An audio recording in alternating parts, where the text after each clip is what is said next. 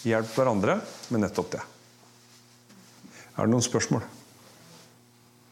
Dere trenger ikke å leite fram noen, for da kan dere nemlig få jobbe.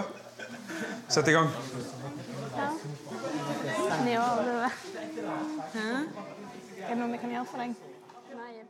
Yes, Dere fikk jo ikke sett bildene på, på slutten der. Eh, Men det som skjer, da, er at alle strømmer til denne jenta.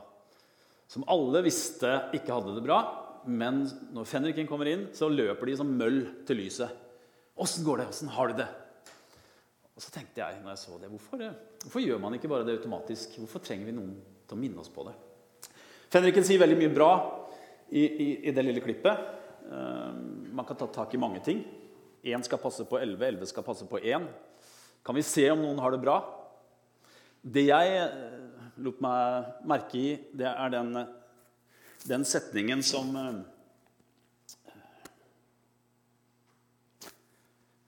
Dere tenker at det er modig å hoppe og dykke og gjøre sånne store militærting. Men det er vel så modig å komme et annet menneske i møte. Jeg syns den setningen var utrolig bra. Det er vel så modig å komme et annet menneske i møte. Og I dag skal jeg snakke om å se den ene. og Det var derfor vi begynte også med BlimE-dansen, som heter Den ene. Og Jeg syns det passa veldig bra. Og Det er ålreit å begynne gudstjenesten med litt sånn dans, er det ikke det? Ja. Eh, å se den ene i den tida vi lever nå, er utrolig vanskelig. For Hvis dere ser på bildet der, da, så er det litt eh, tatt eh, tiden på, på pulsen. Det er krevende å, å se andre når blikket er rett ned. Eh, det merker i hvert fall jeg når jeg skal snakke med, med ungdommer. Eh, og Allikevel så valgte jeg det temaet fordi verdens aller største religion, en, eh, en hel masse av etterfølgere av Jesus, det ble ikke til ved kampanjer. Og, og, og store møter, det var enkeltmøter. Det var en stamfar og stammor, barnløse faktisk, som fikk vite at eh, de skulle få velsignelse, de skulle like, bli like tallrike som, som stjernene, eh, enda det så ganske mørkt ut. Det var fiskere som fikk noe større å, å, å jage enn fiskestimer. Det var enkeltpersoner hele veien. Og det, Fokuset mitt er vi er sett av Gud for å se hverandre i fellesskapen, men også at det er rom og plass til å se andre. Vi tar det veldig som en selvfølge når vi først har blitt inkludert. Og da hegner vi om vår flokk. Og så glemmer vi at vi en gang ble tatt imot, vi òg. Noen tok imot oss. Eh, og jeg tenkte på Har du minner om noen mennesker fra din eh, barndom som så deg spesielt? Som ikke var i din familie, men som kunne navnet ditt, og som var nysgjerrig på hvem du var. Jeg har noen sånne mennesker, og kanskje har du det sjøl òg. Noen som lurte på åssen går det med akkurat deg. Jeg husker en, en dame i, i Sarpsborg frikirke. Og jeg skulle, Etter mye press fra far så skulle jeg gi tiende uh, for første gang. Og det er tungt for en, for en niåring. Og så, så jeg tror, altså Hun som gikk ut med kollektkuria, hun måtte nærmest rive den fra meg. Og, og jeg synes jo det her var hardt. Og, og så etterpå, etter gudstjenesten så kommer det en gammel dame som heter Liv bort til meg, så tar hun meg i hånda, og inni hånda så har hun en hundrelapp. Akkurat det som jeg ga. Og jeg vet, altså, Hun sitter jo gjerne litt bak og titter litt ned, så om hun så at jeg ga, det kan jeg ikke skjønne. Men akkurat da så gjør hun det. Og for en niåring som første gang gir tiende, så er det en ganske stor opplevelse. Og jeg har tenkt, De menneskene som så meg, har jeg sagt det til dem? Kanskje for noen så er det for sent å si det til, men jeg tror kanskje noen, noen ganger at vi skal si det. Hva folk har betydd for oss. Og det andre er gir jeg det videre, det som jeg fikk? Eh, hvis vi kan få det neste bilde Jeg jobber på Grønli, og på vei til Grønli så passerte jeg en sånn gjenvinningsstasjon eller, eh, hver eneste dag. Og Så begynte jeg å legge merke til den, og så så jeg at den var tagga på. Og Jeg er egentlig ikke så veldig for tagging, men hvis dere ser på taggingen på denne her Her står det egentlig 'Takk for at du sorterer'. Og så har de stru. Noen har tatt med seg en sprayboks gått opp, og så tatt vekk 'sorter'. Og så står det bare 'takk for at du er'. Altså En meningsfull tagging er jeg faktisk litt for. For jeg tenker vi er flinke til å vurdere og gi mennesker rundt oss verdi, og kanskje også oss sjøl, ut ifra hva vi presterer, hva vi kan, hva vi har, og hva vi får til. Og det preger også samfunnet. At du må levere noe for å ha en verdi. Det er en tid med mye speil og lite vindu. Det jaget etter perfekte har blitt mer viktig enn det ekte. Men fokuset til Kirken har til alle tider handlet om å flytte blikket fra navlen og opp og se mennesker. I første Mosebok Er det noen som har Bibelen med seg? Første Mosebok 16. Så skal du ta neste bilde, du. Så er det en historie som jeg vil ta. Det er Abraham og Sara som ikke kan få barn. De får løfter om at de skal få et barn, men det drøyer eh, med Guds løfter. Så i mellomtiden så foreslår Sara at Hagar, trellkvinnen, skal føde Abrahams barn. Og så går jo ikke det så bra, da. fordi hun ble jo litt misunnelig på Hagar, som går rundt og er helt naturlig gravid. Og personlig så har jeg, vi, vi var ufrivillig barnløse i ni år. Så kan jeg skjønne Sara, faktisk. Eh, det er litt slept. Jeg ville kanskje ikke gjort det som Sara gjør, og støte henne ut i ørkenen. Men men jeg kan skjønne litt den misunnelsen. Og så sitter Hagar da, og hun er støtt ut, sitter ute i ørkenen. Og så leser vi fra vers 7. 16, Første Mosebok 16, vers 7. Herrens engel fant henne ved en vannkilde i ørkenen, ved kilden på vei til Sjur.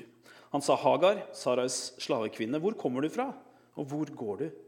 Hun svarte, 'Jeg, jeg remmer fra Sarai, husfruen min.' Og Herrens engel sa til henne, 'Vend tilbake til husfruen din og la deg ydmyke under hennes hånd.' Herrens engel sa, 'Stor vil jeg gjøre din ett, så stor at den ikke kan telles.' Så sa Herrens engel til henne, 'Se, du er med barn, og du og skal føde en sønn, og du skal gi ham navnet Ismael.' Det var noen likheter der. For Herren har hørt at du blir ydmyket. Han, kan, han, skal bli et villesel av et menneske. Hans hånd skal være vendt mot alle, og alles hånd skal være vendt mot ham. Rett imot alle sine slektninger skal han slå seg ned. Da satte hun dette navnet på Herren, som hadde talt til henne. Du er en Gud som ser meg. For hun sa, Har jeg her virkelig sett Han som ser meg?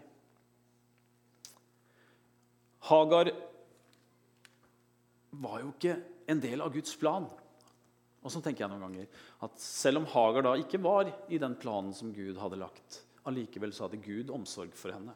Jeg tror mange som kan tenke følger jeg Guds plan. Var det det jeg skulle med livet? Vet du hva? Her viser det at Gud er med uansett. Og Hagar gir han navnet 'en Gud som ser meg'. Og jeg tenker Det er det er jo innlysende at Gud ser oss. Det har vi hørt siden vi var liten. Jeg har en engel som følger meg, eller at noen som følger med på en god måte. Og etter at jeg fikk smarttelefon, så, så skjønner jeg jo liksom at det er jo praktisk mulig sånn teknisk også. Jeg vet ikke om noen som har opplevd eh, å få reklamer inn, eller at, eh, sjekke at den har fulgt deg hele veien. Den vet når du kjører, når du stopper, hvilke butikker du har vært i. Eh, så plutselig har det blitt mer realistisk for at Gud kan følge oss Hvorfor skulle det være noe problem? Men måten Gud ser på oss, og Google eller smarttelefonen ser på oss, er veldig forskjellig. Men jeg tenker at det går en rød tråd fra Abraham og pakten gjennom patriarkene, med Moses, med dommerne, med kongene, og så fortsetter det med Jesus i Det nye testamentet. Det er øyet for den enkelte. Og der mennesker ser håndverkere, en fisker, så ser Jesus kirkens fremtid. Der mennesker ser svakhet, ser Gud styrke. Og Der Gideon ble ansett som den minste av de minste, så Gud en hærfører. Snart skal vi feire Jesu fødsel.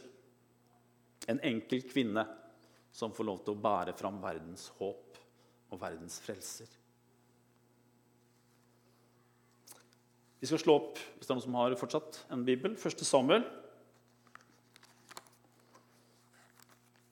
Skal 1. Samuel 16, vers 7.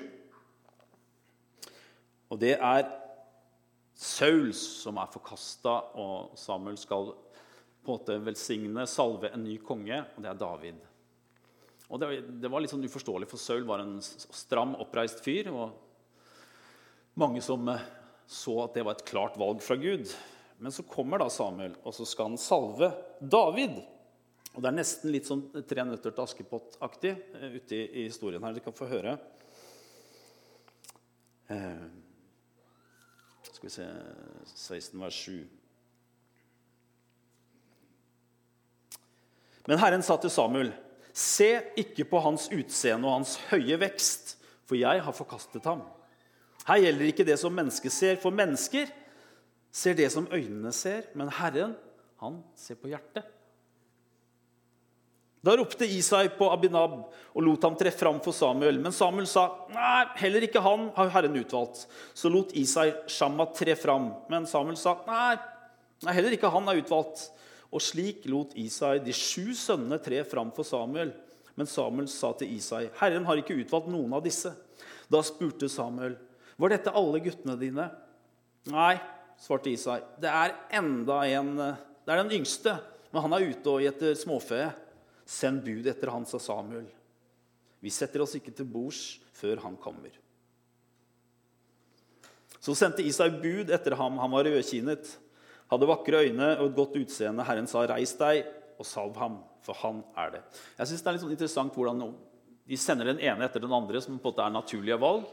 Men nei, det er ingen av de, ingen av de menneskelige, naturlige valga. Nei, det var han gjetergutten som var ute. Hva betyr det for meg? Ofte så prøver vi å, å være kopier enda vi er født som originaler. Og jeg tenker Det er så lett å, å bli det. Men kanskje Gud har skapt deg med en hensikt og på en bestemt måte, med dine feil og med dine styrker, av en grunn. Når Gud måler et menneske, så legger ikke han målbåndet rundt hodet, han legger det rundt hjertet. Det syns jeg er en fin setning.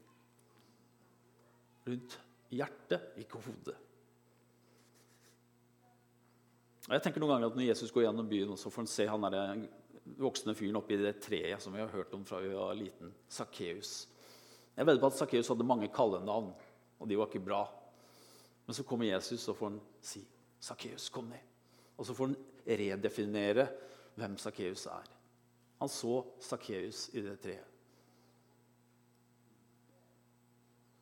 Du vet hva de andre kaller deg. Nå skal du høre hva jeg kaller deg.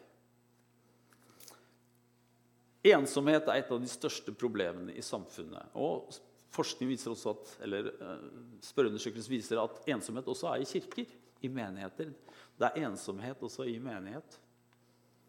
Mange mennesker som går rundt og kjenner at 'jeg er ikke verdt å være sammen med'. Og det skaper livsstilssykdommer, hjerte-karsykdommer. Det er en ond sirkel. Og jeg tenker menighet og kirke, vi skal være et vern mot ensomhet. Vi skal ta mennesker imot, og det skal alltid være plass til en til. Og så så vi på den filmen. I slutten så løper jo da alle som jeg sa, alle jentene til denne jenta for å trøste og, og spørre åssen hun har det. Hvorfor er det sånn at vi veldig ofte gjør det lette istedenfor det rette? Eh, hva er det som kjennetegner PMK? Vi har ikke vært der så lenge, da. Men eh, vi har blitt veldig godt mottatt, og det er jeg veldig glad for. For det er litt skummelt å komme helt ny i en menighet. For meg, for barna mine. Åssen skal det gå? Det er, et, det er, et, valg som er litt mer enn om jeg, om jeg slutter som taktekker. Eller, altså det, det, påvirker litt mer. Eh, og jeg vil takke for at vi har blitt så godt tatt imot. Eh, og jeg tenker ofte Menigheter de legger mye sånn fokus på akkurat idet man kommer inn døra. Da kan man nesten bli overfalt av kaffe og twist. Og det er liksom veldig Men er det det egentlig som, som, som, gjør følelsen du har når du går ut? Jeg er glad i Donald. Er det noen her som er glad i Donald? Det, var noe man, det så vi på i gamle dager. Det var det, var det vi måtte liksom legge vekk. For å gjøre noe nyttig dere, ja, Det var iPaden før. Og en stripe i Donald så er det sånn at Donald skal reise til en flyplass. Han skal reise på ferie, og så lurer han på hvor han skal dra. Og Så drar han på flyplassen og så ser han på de som kommer hjem fra ferie. Og Så ser han at noen kommer ut av et fly, og de bare jubler og er kjempeglade. Og så er det noen som kommer ut av et annet fly, og de, de gråter og de er deprimert og virkelig virkelig kjørt. Så da tenker Donald da skal jeg dra dit der alle er glade.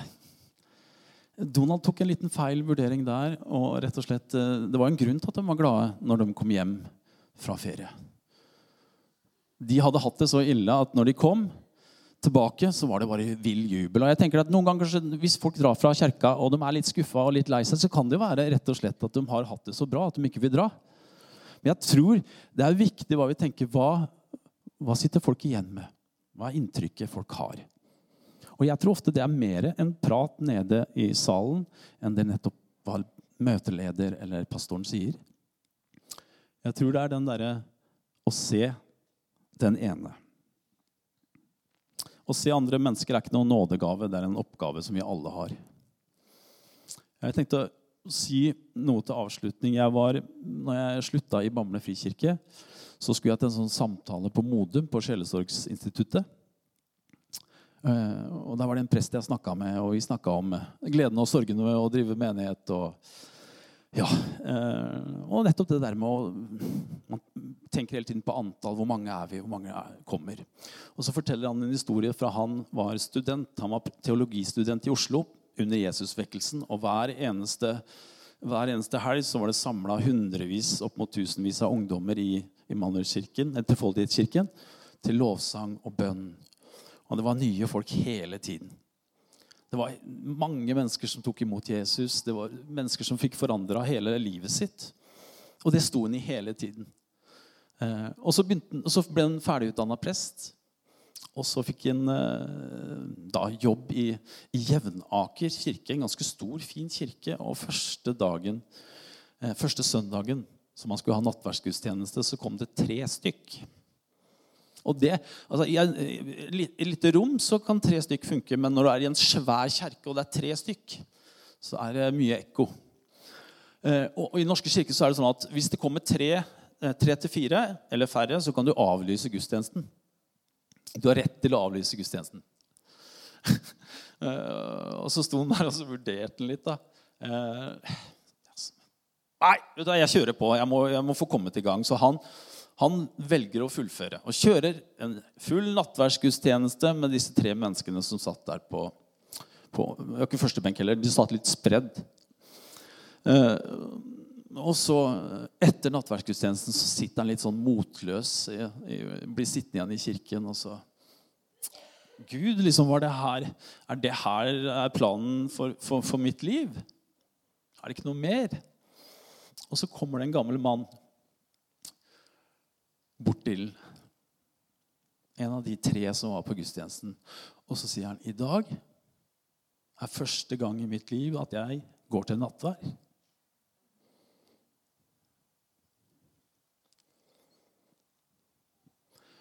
Og han fortalte at det møtet det forandra hvordan han så på mennesker for resten av sin tjeneste.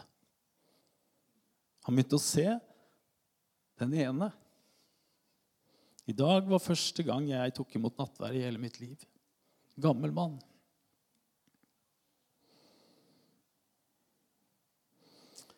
Vi er opptatt av mengder og antall Jesus så den enkelte. Det er så lett å glemme det. Vi gjorde en fin ting på 3-2-1-kveldene. Tre kvelder, to timer, ett mål. På slutten der sånn så skrev vi opp noen navn på en tavle. Jeg synes Det var egentlig en veldig sånn, fin ting. For mennesker som vi gjerne skulle sett i fellesskapet vårt. Eh, og mange har kanskje noen de ber for jevnlig. Det kan være søsken, det kan være en kollega, en venn. Det kan være barn. Og det å gå fram og skrive det opp, det gjør, det, gjør det på en måte mer eh, Hva skal jeg si forpliktende. Og jeg vil at dere skal gjøre det til slutt nå. Er det et menneske som du gjerne skulle sett her? Legg det fram for Gud. Eh, og vær konkret med det, og stå i det. Kjære himmelske Far. Takk for at du ser meg. Takk for at du har øye for den enkelte.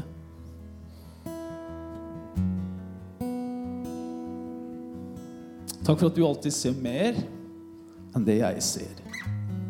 Takk for at jeg kan komme med min, min nistepakke, og så kan du få lov til å velsigne det. Takk for hver enkelt her i salen, Gud.